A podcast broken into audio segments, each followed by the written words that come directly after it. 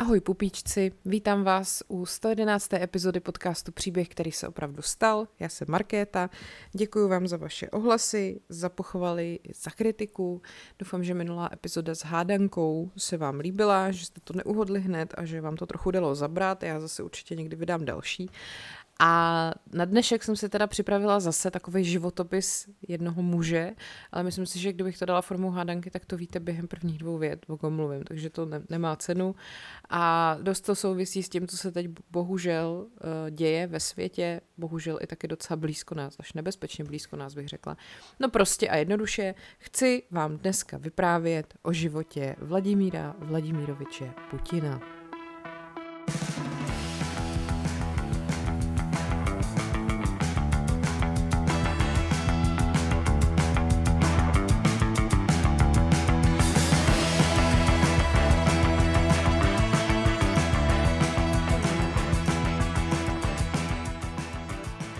Myslím si, že bych se taky časem měla dostat k rusko-ukrajinskému konfliktu, ale to si nechám až na někdy, jako ne určitě na příště. Já si myslím, že tyhle ty vážnější témata to vždycky chce nějak jako proložit nějakým takovým odlehčením, nějakým prostě podvodníkem nebo nějakým bizárem. Mimochodem viděli jste Tinder Swindler, jakože já jsem si fakt myslela, že to je jenom hrozný hype, jak o tom všichni psali a všichni to doporučovali.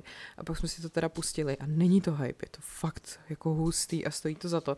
A pak jsem kvůli podcastu zkoušela najít uh, nějaký takový podobný ekvivalent v Česku. Ale teda nenašla jsem nějakýho jako super sňatkovýho podvodníka, našla jsem akorát příběh příběh Davida Kotlára z Ostravy, který uh, se vydával na internetu za jasnovitku editu a díky tomu uh, vykládal, nebo takhle, jako díky tomu, že si prostě předváděl, že vykládá karty, věští, eh, čistí nějaký duše a provozuje numerologii a tohle, tak eh, dokázal prostě vylákat z ženských dohromady, prosím vás, nebo z lidí teda, abych nebyla to, 1,7 milionu korun za necelý dva roky. Celkem to bylo 112 lidí. A on eh, díky tomuhle tomu si třeba jako dopřál naprosto mega luxusní svatbu, která prostě prej svou okázalostí předčila i obřady známých osobností. Jo? Takže eh, ho pak odsoudili k nějakému peněžitýmu trestu, čtyřletou podmínku mu dali a musí prostě uhradit nějakou vzniklou škodu. Stalo se to teda v září 2019, ale je to výborný prostě věštkyně Edita.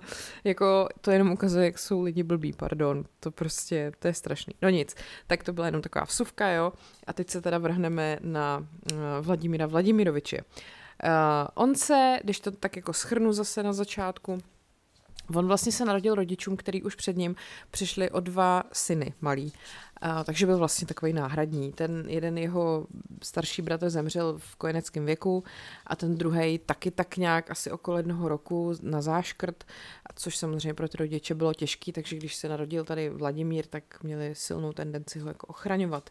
On se v mládí hodně učil nebo prostě propadnul bojovému umění, hlavně judu a stal se takovým expertem na judo a je do toho hodně takový zabraný a to taky co si jako vypovídá o jeho povaze, bych řekla. E, přijde mi vtipný, že se třeba e, našly nějaký třídnice z doby, kdy chodil do školy a tam se našly poznámky o jeho chování ve třídě. Třeba tam bylo jako, že házel po dětech gumy, jo, nebo že třeba během vyučování mluví, nebo že třeba neudělal domácí úkol z matematiky, jo, prosím nás, tak, takže takhle se pozná budoucí diktátor a tyran. E, ale jinak teda z pohledu třeba známek to nebylo nějak jako zajímavý, projevoval velký zájem o dějepis a Němčinu, tady bych se taky trošku zarazila. no, ale ty školní výsledky se nějak musely asi trochu zlepšit, protože pak navštěvoval docela prestižní střední školu, která přijímá pouze premianty a tam prej studoval biologii a nějaký svobodný umění a pracoval taky pro školní noviny. No a pak, eh, když prostě po dokončení střední školy se rozhodoval, co bude dělat v životě dál, tak spravodajská důstojničina pro něj byla jasná volba a vstoupil do KGB a tam teda si i vysloužil několik pochval za svou pracovní morálku, byl velmi disciplinovaný, organizovaný a taky, taky popsaný jako člověk, který neustále zvyšuje svou ideologickou, politickou a odbornou úroveň.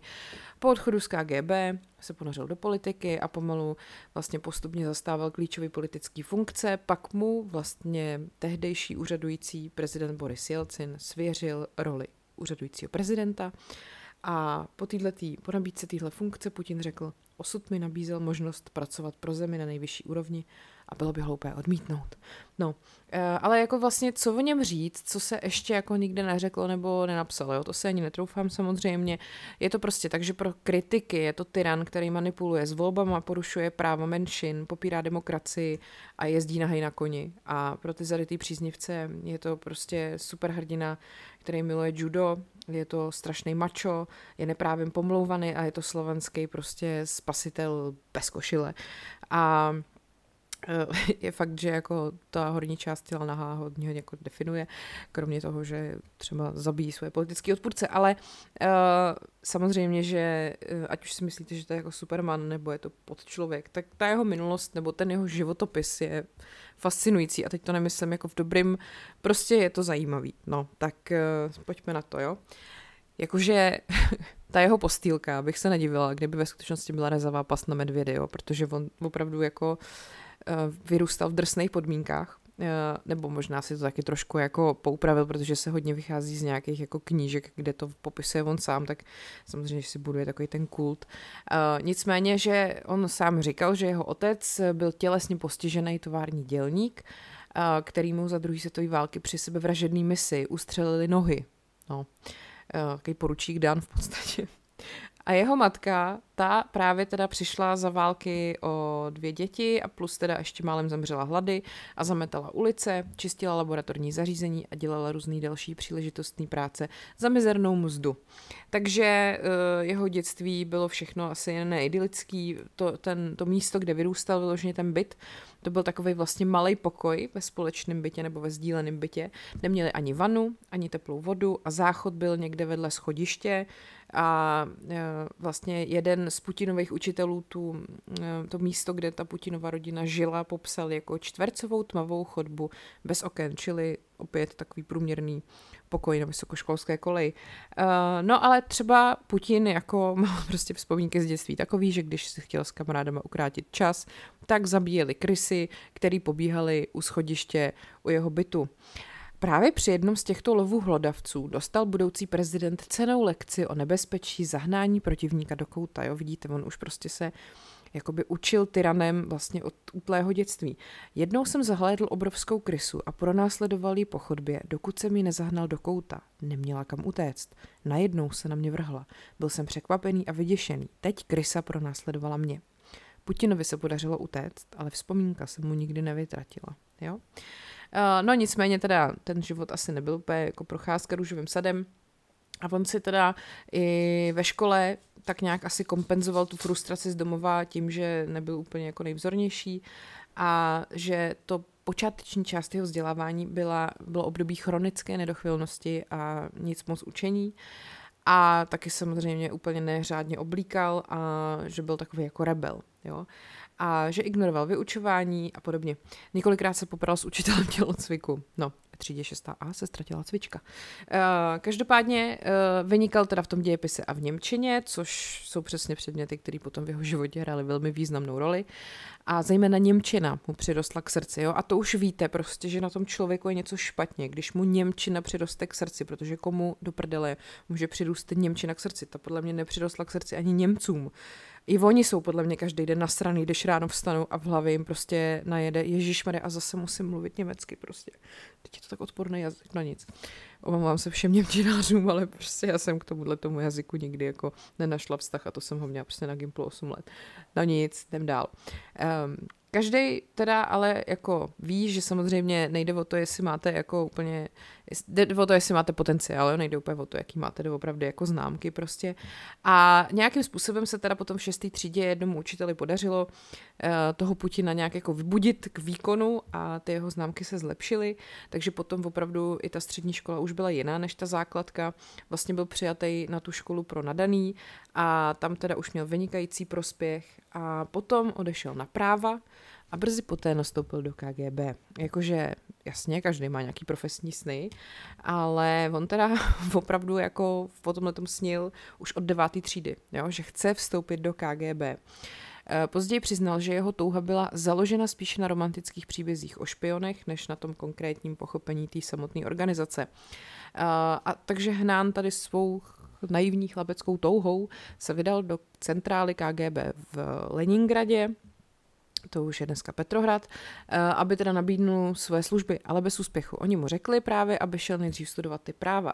A tak poslechl a v roce 1975 získal právnický titul. A já jsem ty neřekla, kdy se narodil. On se narodil, prosím vás, 7. října 1952.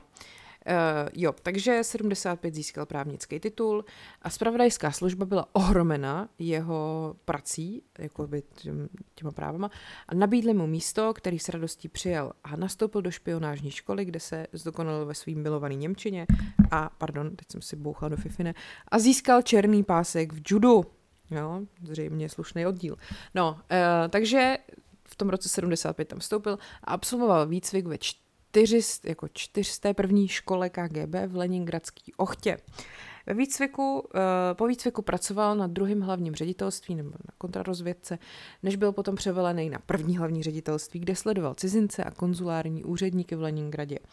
V roce 84 v září byl poslaný do Moskvy na další školení v institutu rudého praporu Jurie Andropova O tom už jsem někdy mluvila. Já jsem, když jsem tady mluvila o mm, eh, vlastně agentech STB nebo vůbec jako o, eh, o, o KGB, už jsem mluvila a o eh, těch o těch agentech ruských, co pozabíjeli ty různý politický nepřátelé, ať už je to Politkovská nebo to byl Boris Němcov a podobně. To je nějaká epizoda, teď bych kecela číslo, ale prostě už mám tady tu epizodu, koho všeho ruský jako agenti zabili. Tak eh, to si můžete když tak poslechnout pro kontext.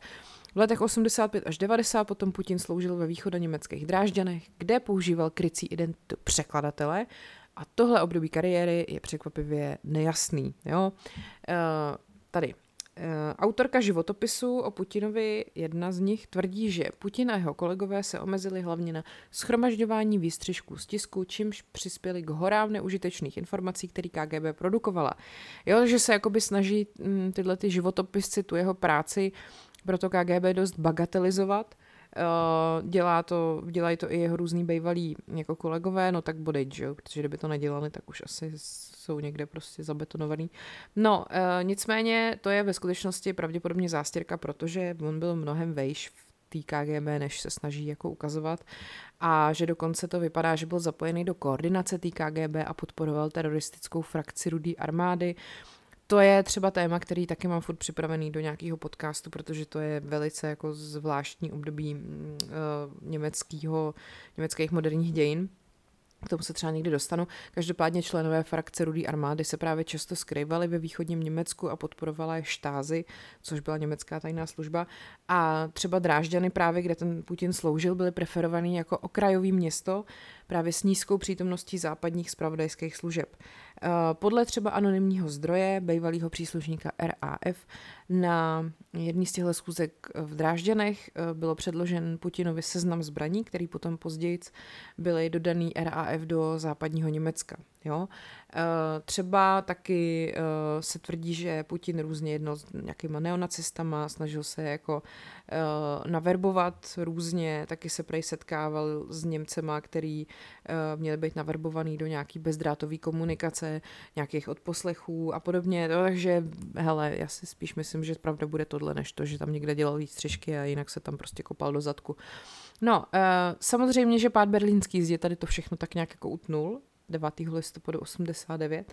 A Putin teda prej během toho zachránil spisy sovětského kulturního střediska a veliká GB v Drážďanech pro oficiální orgány budoucího sjednoceného Německa, aby je demonstranti nezničili a poté údajně během několika hodin spálil pouze spisy KGB, ale eh, prostě ten zbytek zachránil.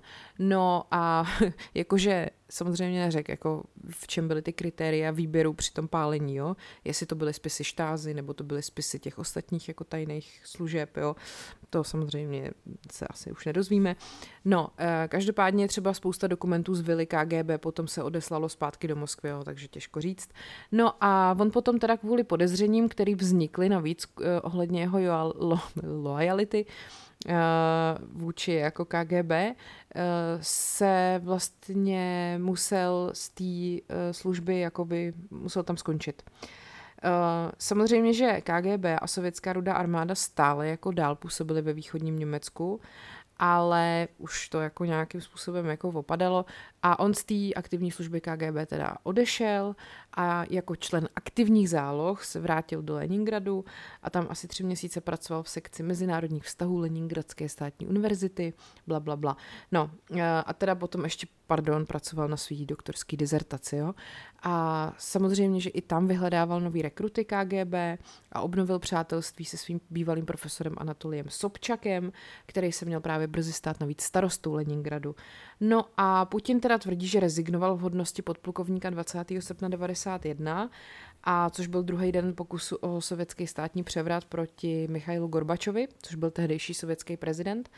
Jakmile začal převrat, okamžitě jsem se rozhodl, na které straně stojím. Uh, no, dobře. Uh, když potom teda tady po tom, tom drsném probuzení, jako v tom listopadu 89 po pádu berlínský zdi, že jo, uh, jako pochopil, že se nějak nemůže, nemůže dál jako profilovat jako zarytý komunista, že jo? protože ten komunista, komunismus byl takový jako prostě byl zahnaný do kouta, přesně jako ta krysa prostě na těch schodech u domu nebo u bytu těch Putinů, že jo.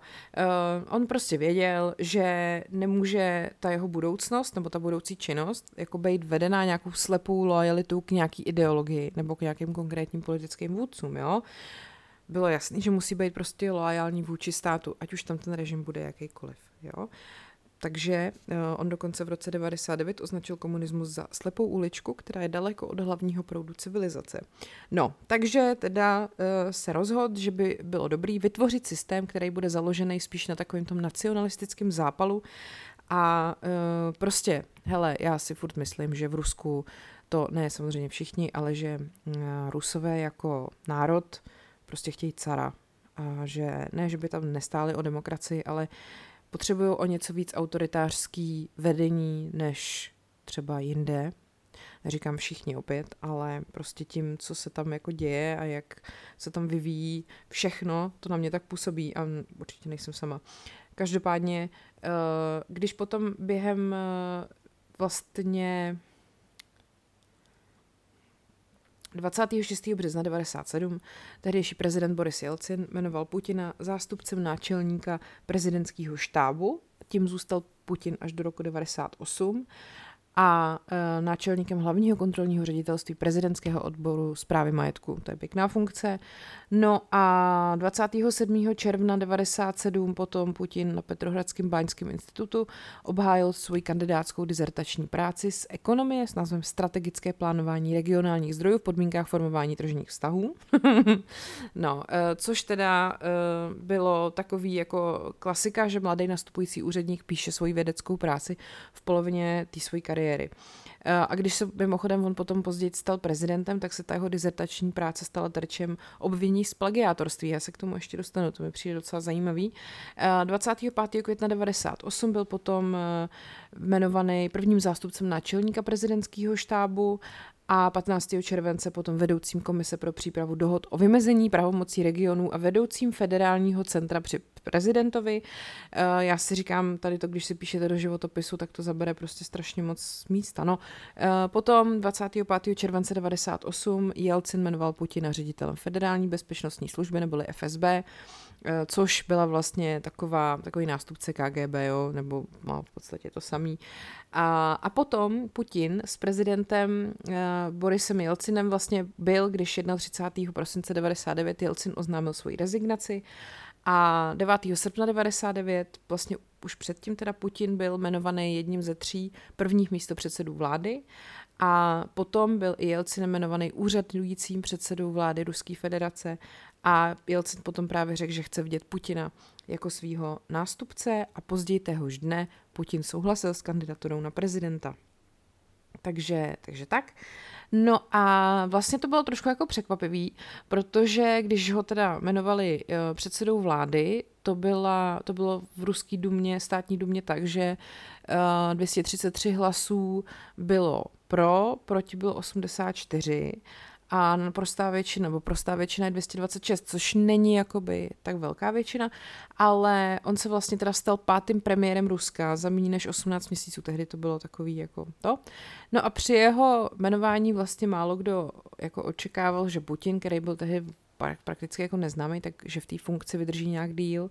Ale tak jako byl loajální tomu Jelcinovi, nebo aspoň se tak tvářil a uh, vlastně potom, když ty hlavní Jelcinovi odpůrci a potenciální nástupci už vedli kampaň s tím, že ho jako nahradí a tvrdě bojovali za to, aby zabránili tomu, aby Putin nastoupil jako Jelcinův uh, prostě successor, prostě nástupce, Jenomže pak proběhly bombový útoky na ruský byty a přišla invaze mujahidů uh, do Dagestánu a Putinova image, strážce pořádku a takový ten neúprosný uh, přístup k druhé čečenské válce vlastně velmi jako zvýšil jeho popularitu a předstihnul své soupeře. Takže on sice formálně nebyl spojený s žádnou stranou, ale přislíbil svoji podporu nově vzniklý straně Jednota, která ve volbách do Dumy v prosince 99 získala druhý největší procento hlasů, no a oni na, na oplátku podpořili toho Putina. Takže právě když Jelcin posledního prosince 99 nečekaně odstoupil, tak Putin se podle ruské ústavy stal úřadujícím prezidentem Ruské federace a po nástupu se Putin vlastně vydal hnedka na předem naplánovanou návštěvu ruských jednotek v Čečensku. No a ten první prezidentský dekret, který Putin podepsal ještě toho 31. prosince 99, nesl název o zárukách pro bývalého prezidenta Ruské federace a členy jeho rodiny, který vlastně zajišťoval, že proti odstupujícímu prezidentovi a jeho příbuzným nebudou vznášena obvinění z korupce, jo, což se týkalo jedné uplatkářské kauzy, do které právě byly zapleteny Jelcinovi nebo členové Jelcinovy rodiny, to je docela jako hezký. No a teď tam přišla ta věc, že ty odpůrci toho Putina, nebo prostě takhle, ty, co si brousili zuby na to, že budou ruský prezident po Jelcinovi, se vlastně připravovali na to, že proběhnou regulární volby v červnu 2000, jenomže tím, že ten Jelcin rezignoval, tak ty volby se musely konat do tří měsíců od rezignace, čili se konaly 26. března 2000, no a Putin tam zvítězil v prvním kole a měl 53% hlasů, jo.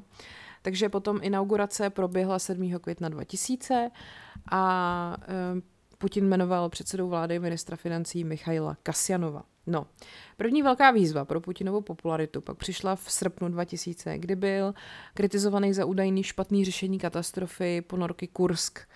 A to bylo hlavně teda způsobený tím, že mu trvalo několik dní, než se vrátil z dovolený a pak ještě několik dní, než navštívil místo neštěstí. Nicméně teda on se v letech 2000 až 2004 pustil do obnovy jakoby zbídačeného stavu země a vlastně asi tak nějak vyhrál mocenský boj s těmi ruskýma oligarchama a uzavřel s nimi takzvanou velkou dohodu. A ta vlastně umožnila těm oligarchům zachovat si většinu svých pravomocí výměnou za to, že prostě budou podporovat Putinovu vládu, jo, easy peasy. V říjnu 2002 pak došlo k incidentu v moskevském divadle Dubrovka, o tom jsem taky měla jednu epizodu, k tomu Kursku se ještě tady v této epizodě dostanu. Já tady mám pak takový ty jako vyjmenovaný všechny průsery Vladimíra Putina za celou dobu uh, toho, co je na trůnu, i když samozřejmě zdaleka to by bylo na několik epizod, ale takový ty nejdůležitější. No, uh, ta Dubrovka teda, ačkoliv jako spousta novinářů v ruském tisku i v mezinárodních médiích varovali, že smrt 130 rukojmejch při té záchranné akci Eh, jako poškodí tu popularitu Putina, tak eh, se naopak krátce po skončení tohohle toho on těšil rekordní přízně veřejnosti. Jo. 83% Rusů prohlásilo, pardon, že jsou s Putinem a jeho postupem při obléhání spokojeni. Přitom, jak jsem eh, v té epizodě o Dubrovce, o Dubrovce mluvila, tam zdaleka není všechno jako jasný, jo? kdo tam na koho útočil a jak to bylo, je okolo toho spousta kontroverzí a rozhodně to nebylo úplně čistý. V roce 2003 se v Čečensku konalo referendum, kde byla přijata nová ústava, během ní, eh, podle níž je teda Čečenská republika součástí Ruska. A na druhou stranu ale region vlastně získal autonomii. A potom se teda to Čečensko tak nějak stabilizovalo a potom během druhé čečenské války Rusko zneškodnilo takovýto povstalecký hnutí. Já jsem o tom zase mluvila, protože takhle, že Dubrovka i Beslan, což je ten útok na základní škole, obojí se dělo, protože tam útočili čečenský povstalci. Obojí mám v nějaký epizodě, tak si to taky, když tak poslechněte pro kontext. Tada. Uh, Putin a judo. uh, o Putinovi se vtipně mluví jako o rytíři juda, rytíři judo a samozřejmě on jako se prezentuje jako takový ten velmistr jako bojového umění. Nicméně uh, judo je pro tu jeho identitu natolik zásadní, že se třeba i politicky spojuje s miliardářskými judistickými nadšencema a některý dokonce uh, to označují za judokracii. No, uh, vtipný je, že Putin teda považuje judo za filozofii, která učí sebeovládání, schopnosti vnímat okamžik, vidět silné a slabé stránky soupeře, usilovat o co nejlepší výsledky a vlastně tady ten étos začal definovat jako jeho politický rozhodování a přístup k různým geopolitickým konfliktům. Jo?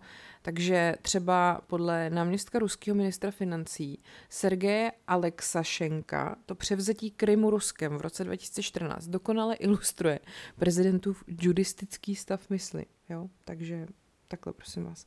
Každopádně, eh, teď se pojďme trošku jako odvrátit na chvilku. Já vám tady nechci úplně vykládat rok za rokem, co jako dělal, protože tak to si každý můžeme najít, nebo si to třeba i pamatujeme. Eh, mně přijde zajímavý, když se tady jako třeba rozebírá ta jeho povaha a nějaký jako jeho styl přemýšlení, jo. Protože eh, když se třeba rozpadl Sovětský svaz, tak se to samozřejmě tak nějak docela shodovalo s tím, že se rozšířil přístup k internetu a nějaká, dejme tomu, intelektuální nezávislost. A podle Putina to bylo znamení, že se společnost odchýlila od správného směru a potřebuje nápravu. A tak se jako prezident rozhodl vrátit Rusko do jakýhosi jako stavu před poznáním. Jo? Uh, takže když se třeba takhle do toho jako pustil, tak nejdřív uh, omezil uh, nebo takhle začal kontrolovat televizi a noviny a vlastně si neuvědomoval takovej ten mnohem jako větší potenciál internetu. A pak přišel rok 2011 a v ten rok se utlačovaní arabský občani postavili proti svým vládám v reakci na usvědčující dokumenty, které byly zveřejněny serverem Wikileaks. A povstání tehdy podpořili sociální sítě jako Facebook a Twitter. Eh, padla tuniská vláda a v Rusku to podnítilo nepokoje voličů, který vlastně začali obvinovat eh, Putina z volebních podvodů. Eh, a tentokrát jako Putin se rozhodl, že to bude nějak jako řešit a v roce 2012 začal Kreml rušit nežádoucí webové stránky a posílal internetový troly na blogery a novináře, který jako kritizovali režim. A samozřejmě, že tím největším trumfem se pak stalo hackerství. Takže uh, pra, vlastně tohle je jako jeho styl boje proti jako jeho kritikům, dejme tomu. Nicméně ono je těžký v něm tak nějak jako číst, jo? protože ačkoliv už v tom Rusku prostě vládne víc než 20 let, tak pro prezidenty jiných zemí i pro odborníky je prostě stále jako nečitelný. Protože to vypadá, že tam vládne prostě bývalý sovětský špion, který má právnický vzdělání, má odpor k politické transparentnosti a e, když se třeba jako někdo snaží pozorovat, jak ten Kreml funguje, a snaží se jako ukázat, co dělá toho Putina tak neproniknutelným, tak uh, vždycky dojde jenom k tomu, že Putin prostě drží ty média na takovém jako krátkém vodí, vodítku a při rozhovorech odpovídá na kontroverzní otázky strašně opatrně a vždycky se dává pozor, aby jako se nenechal zahnat do toho kouta, jako ta krysa. A kromě těch tiskových konferencí, které mají prostě přísný scénář a takový ty choreografický choreograficky veřejný, choreograficky vyvedený veřejný vystoupení se prostě o žádných jeho aktivitách nepíše, jo. A sebe menší náznak kritiky ze strany jakýkoliv veřejné osobnosti je prostě rychle utlumený. A navíc taky staví technologickou zeď, i když ne možná tak, jak by si člověk jako myslel. Eh, třeba tady Simon Schuster v článku pro časopis Time v roce 2014 tvrdil, že díky nechuti eh, Putina k používání moderních technologií je vlastně neuvěřitelně obtížný ho odposlouchávat, jo? Že jako ne, teď je to asi už třeba jinak, ale že v té době v roce 2014 nepoužíval mobilní telefon, vlastní počítač, nebo vlastnil, ale vyhýbal se používání internetu. Takže zprávy mu doručovali přímo pracovníci rozvědky prostřednictvím složek a papírových dokumentů, takže on je takový, takový dědeček, jo, v něčem, trošku takový Miloš Zeman, možná kouká na teletext, hele. Um, no a právě, že navíc je samozřejmě strašně střežený, že jo. Takže uh, ty novináři, ať se snaží jak chtějí, tak se nikdy pořádně jako nedokážou dostat úplně uh, k tomu jako jádru, jo. Už jenom to, jak to vlastně on má třeba ve svém osobním životě. Uh, on má za sebou 30-letý manželství s bývalou, uh, s bývalou Stevartkou uh, Ludmilou Putinovou. Uh, navzdory tomu tomu svazku, který teda skončil v roce 2013, ale nikdy třeba nebyl zveřejněný žádný oficiální rodinný portrét.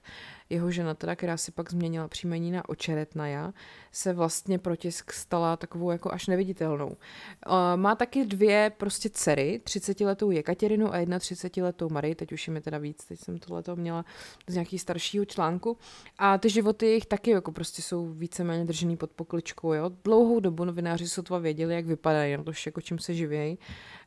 Putin potom teda to trošku poodhalil, že s tím, že Katerina je, byla na, nebo studovala na Moskevské státní univerzitě a předpokládá se, že ona a její manžel vlastní miliardový akcie nějakých petrochemických společností, protože prostě Vladimír Vladimírovič to zařídil. Ta druhá dcera, že je jako vdaná a to je v podstatě všechno, co se o ní ví. Uh, taky se jeden čas tvrdilo, že on splodil další nemanželský děti s olympijskou uh, vítězkou v gymnastice Alinou Kabájevou a to prej uh, se jako dělo, že měli nějaký poměr jako roky, jenomže pak třeba ten informační zdroj, který to tvrdil, prostě zmizel. Jakože tomuhle tématu se i v Rusku v podstatě jako vyhejbají. Takže třeba jako kdybyste si chtěli jako dohledat prostě něco o osobním životě Vladimíra Putina, tak to prostě nejde, jako není co v podstatě, jo. Ale jako on je takový trošku, mně to přijde jak Forrest Gump, jo. On prostě ten jeho život zahrnuje absurdní množství historických událostí.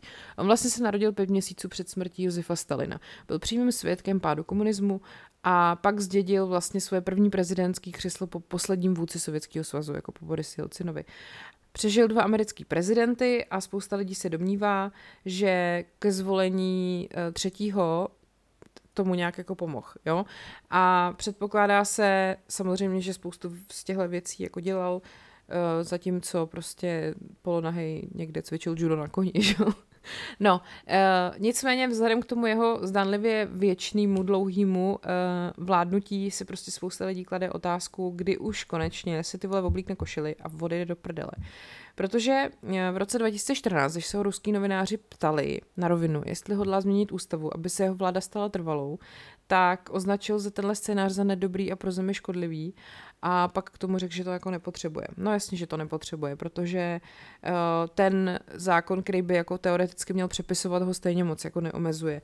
Uh, ruská ústava zakazuje prezidentům víc než dvě po sobě jdoucí funkční období. Uh, prezident se prostě, uh, Putin se stal prezidentem na tři funkční období prostě a jednoduše tak, že si mezi nimi udělal přestávku a stal se po druhý premiérem, že jo. Takže tuhle tu taktiku by teoreticky mohl používat do nekonečna a v současné době teda nikdo nezná jeho jako záměry, protože jak řekl, tak že se prej ještě nerozhodl, zda z prezidentského úřadu odejde.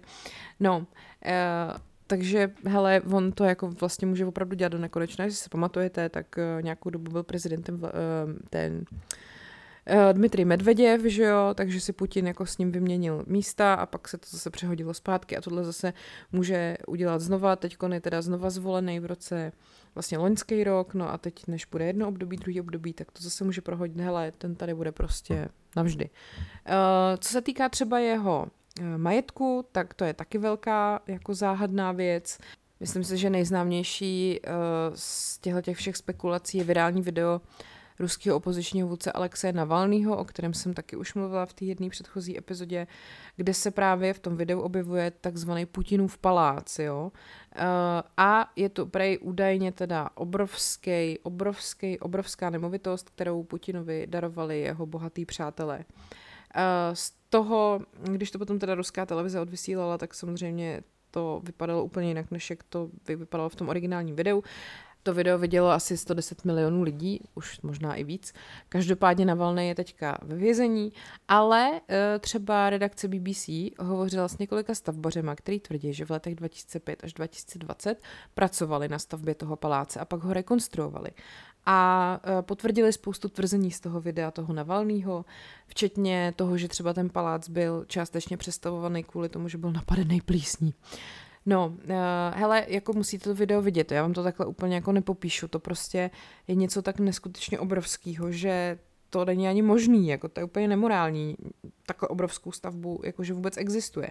Já nevím, k čemu bych to přirovnala. Nicméně ta nemovitost Prej stála jednu miliardu liber, což je 1,37 miliardy dolarů a byla Prej zaplacena nejvyšším úplatkem nebo největším úplatkem v historii. Jo? Uh, prej, že uh, Putin teda si tohleto nechal uh, od miliardáře a bývalého juristického partnera. eh, postavit, jmenoval se, nebo jmenuje se Arkadij Rotenberg a ten teda tvrdí, že je vlastníkem vily a že se prej má stát jako apartmánovým hotelem, no, keci v kleci, že jo. E, nicméně teda průzkum veřejného mínění e, říká, že video vidělo 26% Rusů a 17% z toho uvedlo, že se kvůli tomu změnil jejich názor na Vladimíra Putina.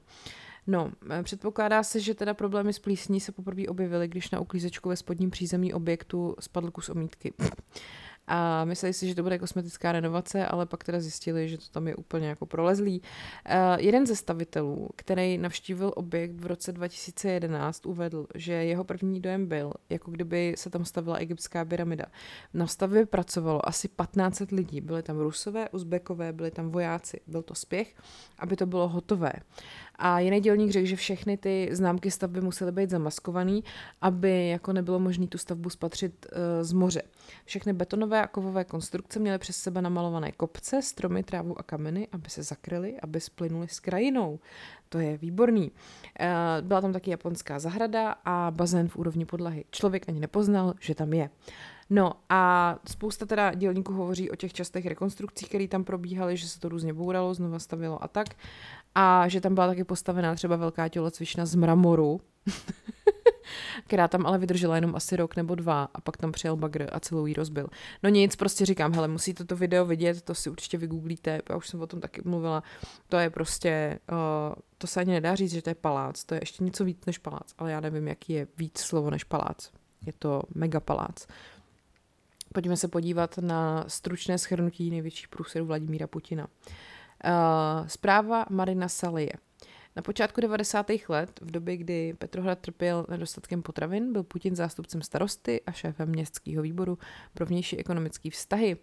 A Petrohradská zákonodárkyně Marina Saleje uh, v roce 93 vedla komisi, která prověřovala údajný systém úplatků. V jehož rámci byly do zahraničí dodávané suroviny za miliony dolarů výměnou za dodávky potravin, které se nikdy neuskutečnily. A uh, třeba tady tato paní Marina právě uh, se samozřejmě odevšat je vymazaná teda na ruském webu, vyzývala tehdy Putina a jeho náměstka, aby okamžitě odstoupili za tady to, jo, takže už tehdy si tady pan Putin prostě ulejval nějaký prachy. V roce 2000 teda, když se koukneme na ty volby, uh, to nebylo tak drtivý volební vítězství, že jo, ty, ty první byly jakože těch 53% hlasů, což samozřejmě stačilo k tomu, aby teda uh, vyhrál hnedka v prvním kole. No ale deník The Moscow Times tehdy uvedl, že zjistil, že sčítání hlasů bylo sfalšováno a ve víc než půl tuctu regionů byly sfalšovány volební záznamy. Vzhledem k tomu, jak těsné bylo hlasování, se zdá, že rozhodli podvody a zneužití moci, jo, tehdy napsali. No a předseda úřední volební, ústřední volební komise Aleksandr Vešňakov popřel, že by byly sfalšovány jakékoliv výsledky. Nemáme žádný jediný závažný dokument, který by spochybňoval výsledek. Dobře, pak tady máme to potopení Kursku. Jaderná ponorka Kursk se po výbuchu na polubě potopila v Barencově moři 12. srpna 2000, což bylo asi tři měsíce právě po začátku Putinova prvního funkčního období. A jak jsem říkala, on byl kritizovaný za to, že zůstal na dovolený v Soči a do Kremlu se vrátil až pět dní po potopení a další čtyři dny trvalo, než odcestoval právě do toho Murmansku, do toho přístavu, aby se koordinovala ta záchranná operace. Eh, právník Boris Kuzněcov, který zastupoval 55 ze 118 námořníků, který při katastrofě zahynuli, to označil za první Putinovu lež a za zlomový bod pro postsovětské Rusko. Když se potopil Kursk, vláda začala zasahovat do právního a donucovacího systému. Vláda začala schromažďovat všechna masmédia pod svou kontrolou. Tím začal celý proces podkopávání demokracie v Rusku a to v mnoha ohledech, řekl k tomu ten Kuzněcov tehdy. No, pak tady máme právě tu krizi s rukojmejma v divadle Dubrovka v říjnu 2002. To byly ty militanti ze Severního Kavkazu, který vtrhli do moskevského divadla během muzikálu a vzali diváky, hráče a personál, nebo herce, ne hráče a personál jako rukojmí. A víc než 700 rukojmích bylo teda zachráněno, co ruský, poté co ruský speciální jednotky eh, do divadla napumpovali toxický plyn ale až 130 rukojmích zemřelo, a což právě zřejmě bylo na následky působení toho plynu a dalších různých problémů během té záchranné operace. Evropský soud pro lidský práva v roce 2011 rozhod uh, vlastně takhle rozhod ve prospěch těch 64 obětí a nařídil ruský vládě, aby vyplatila odškodný ve výši asi 1 milion eur a že prostě uh, vlastně ty ruský úřady tu záchrannou operaci nesprávně naplánovali a Kreml právě tehdy opakovaně tvrdil, že ten plyn nebyl přímo zodpovědný za mnoho umrtí, ale jak tam říkám v té podcastové epizodě, kde, která je přímo o té Dobrovce, tak to prostě není pravda.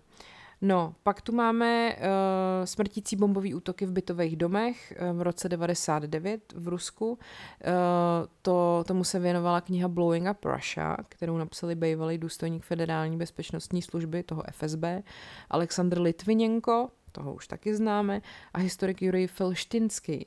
A v té ta, kni, ta kniha právě vyšla v roce 2002 a její části byly publikované v deníku Novaja Gazeta a tam právě je obvinění FSB, že ona zorganizovala ty útoky, aby ospravedlnila právě druhou postsovětskou válku v Čečensku a katapultovala Putina k moci. Jo. Jak jsem říkala na začátku, to byl moment, který mu strašně pomohl v té popularitě, kdy uh, vlastně se odehrály bombové útoky v bytových domech, řeklo se, že za to můžou Čečenci, Putin proti ním hrozně vystoupil a pak ho to dostalo jako na trůn, tak to vypadá, že to ve skutečnosti udělala FSB.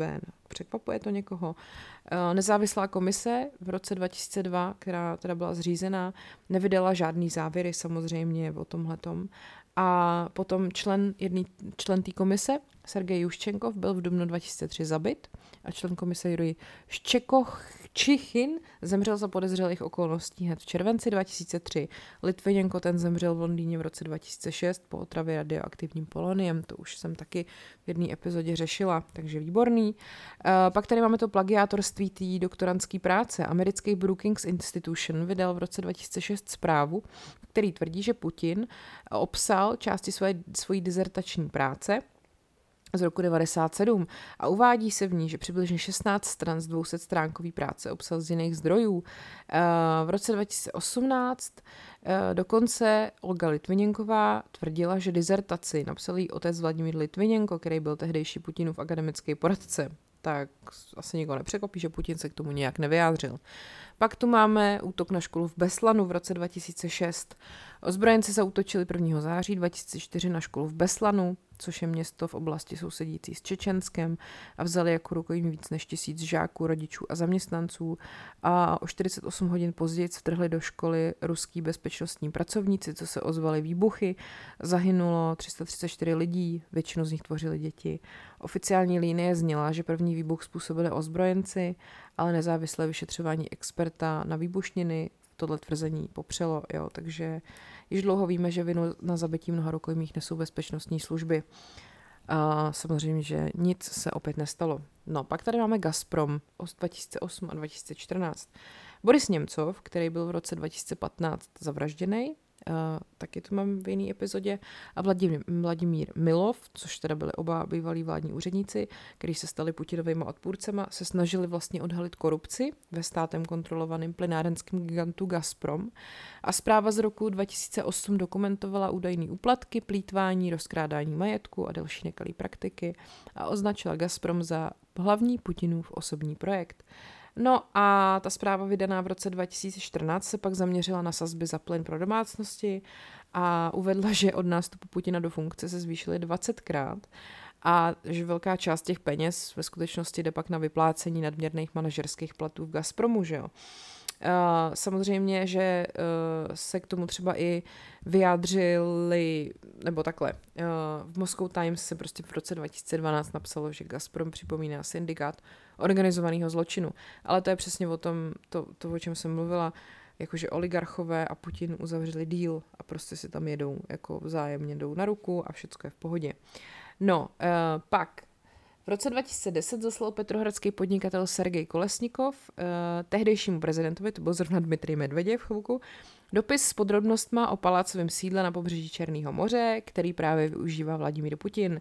A ten Kolesnikov tvrdil, že ta výstavba byla financována z neoprávněně získaných příjmů z dob Putinova působení v úřadu starosty Petrohradu.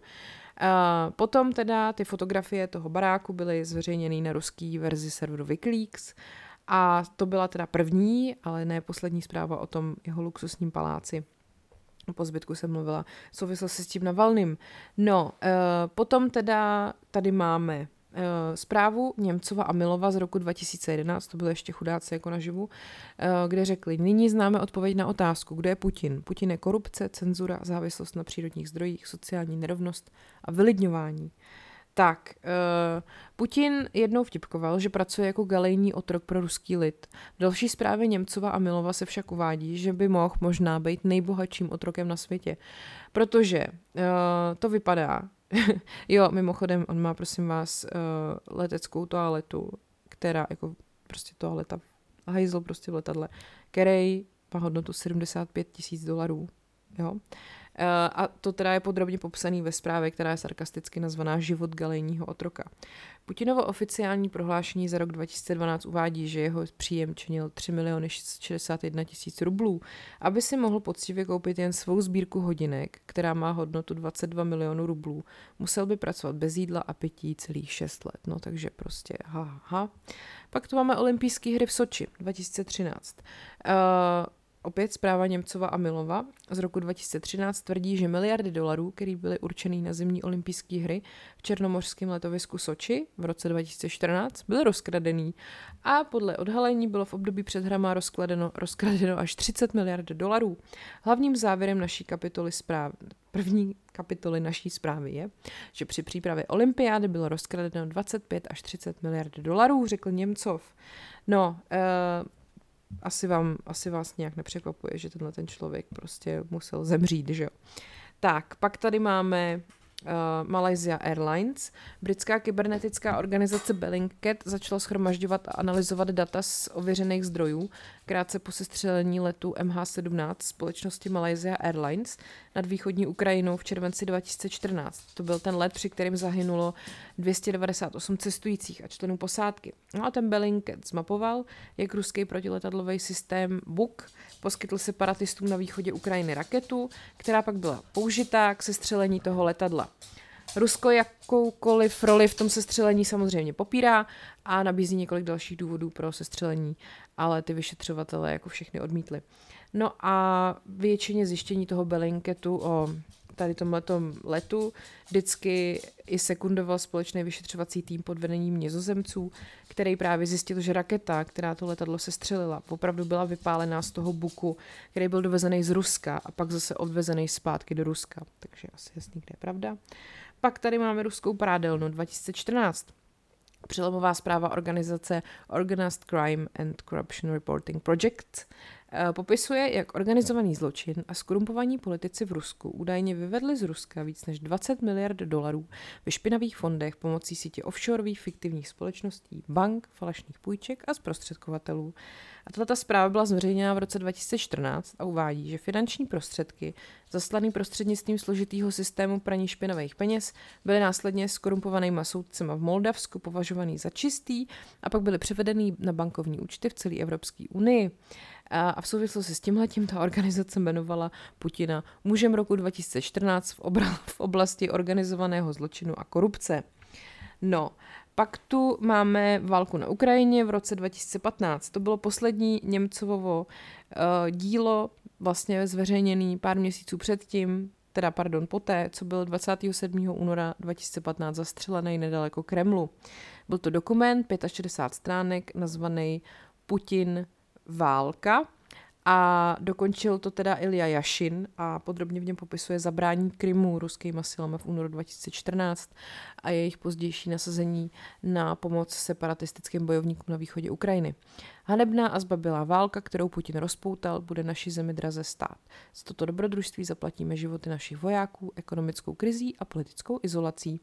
Rusko samozřejmě popírá, že by se do války, která si vyžádala asi 13 000 mrtvých, jako zapojilo, přestože existují důkazy, že prostě separatistům výrazně jako pomáhali tím, že jim poskytovali vojáky, zbraně a různé další jako zdroje. No, pak tady máme případ Litviněnko, uh, to jsem popisovala už v té epizodě o těch uh, usmrcených nepřátelích Ruska, nebo těch, koho všeho uh, ruský agenti zabili, tak to asi tady zase nebudu popisovat znova. Pak tady máme uh, McLarenovu zprávu z roku 2016.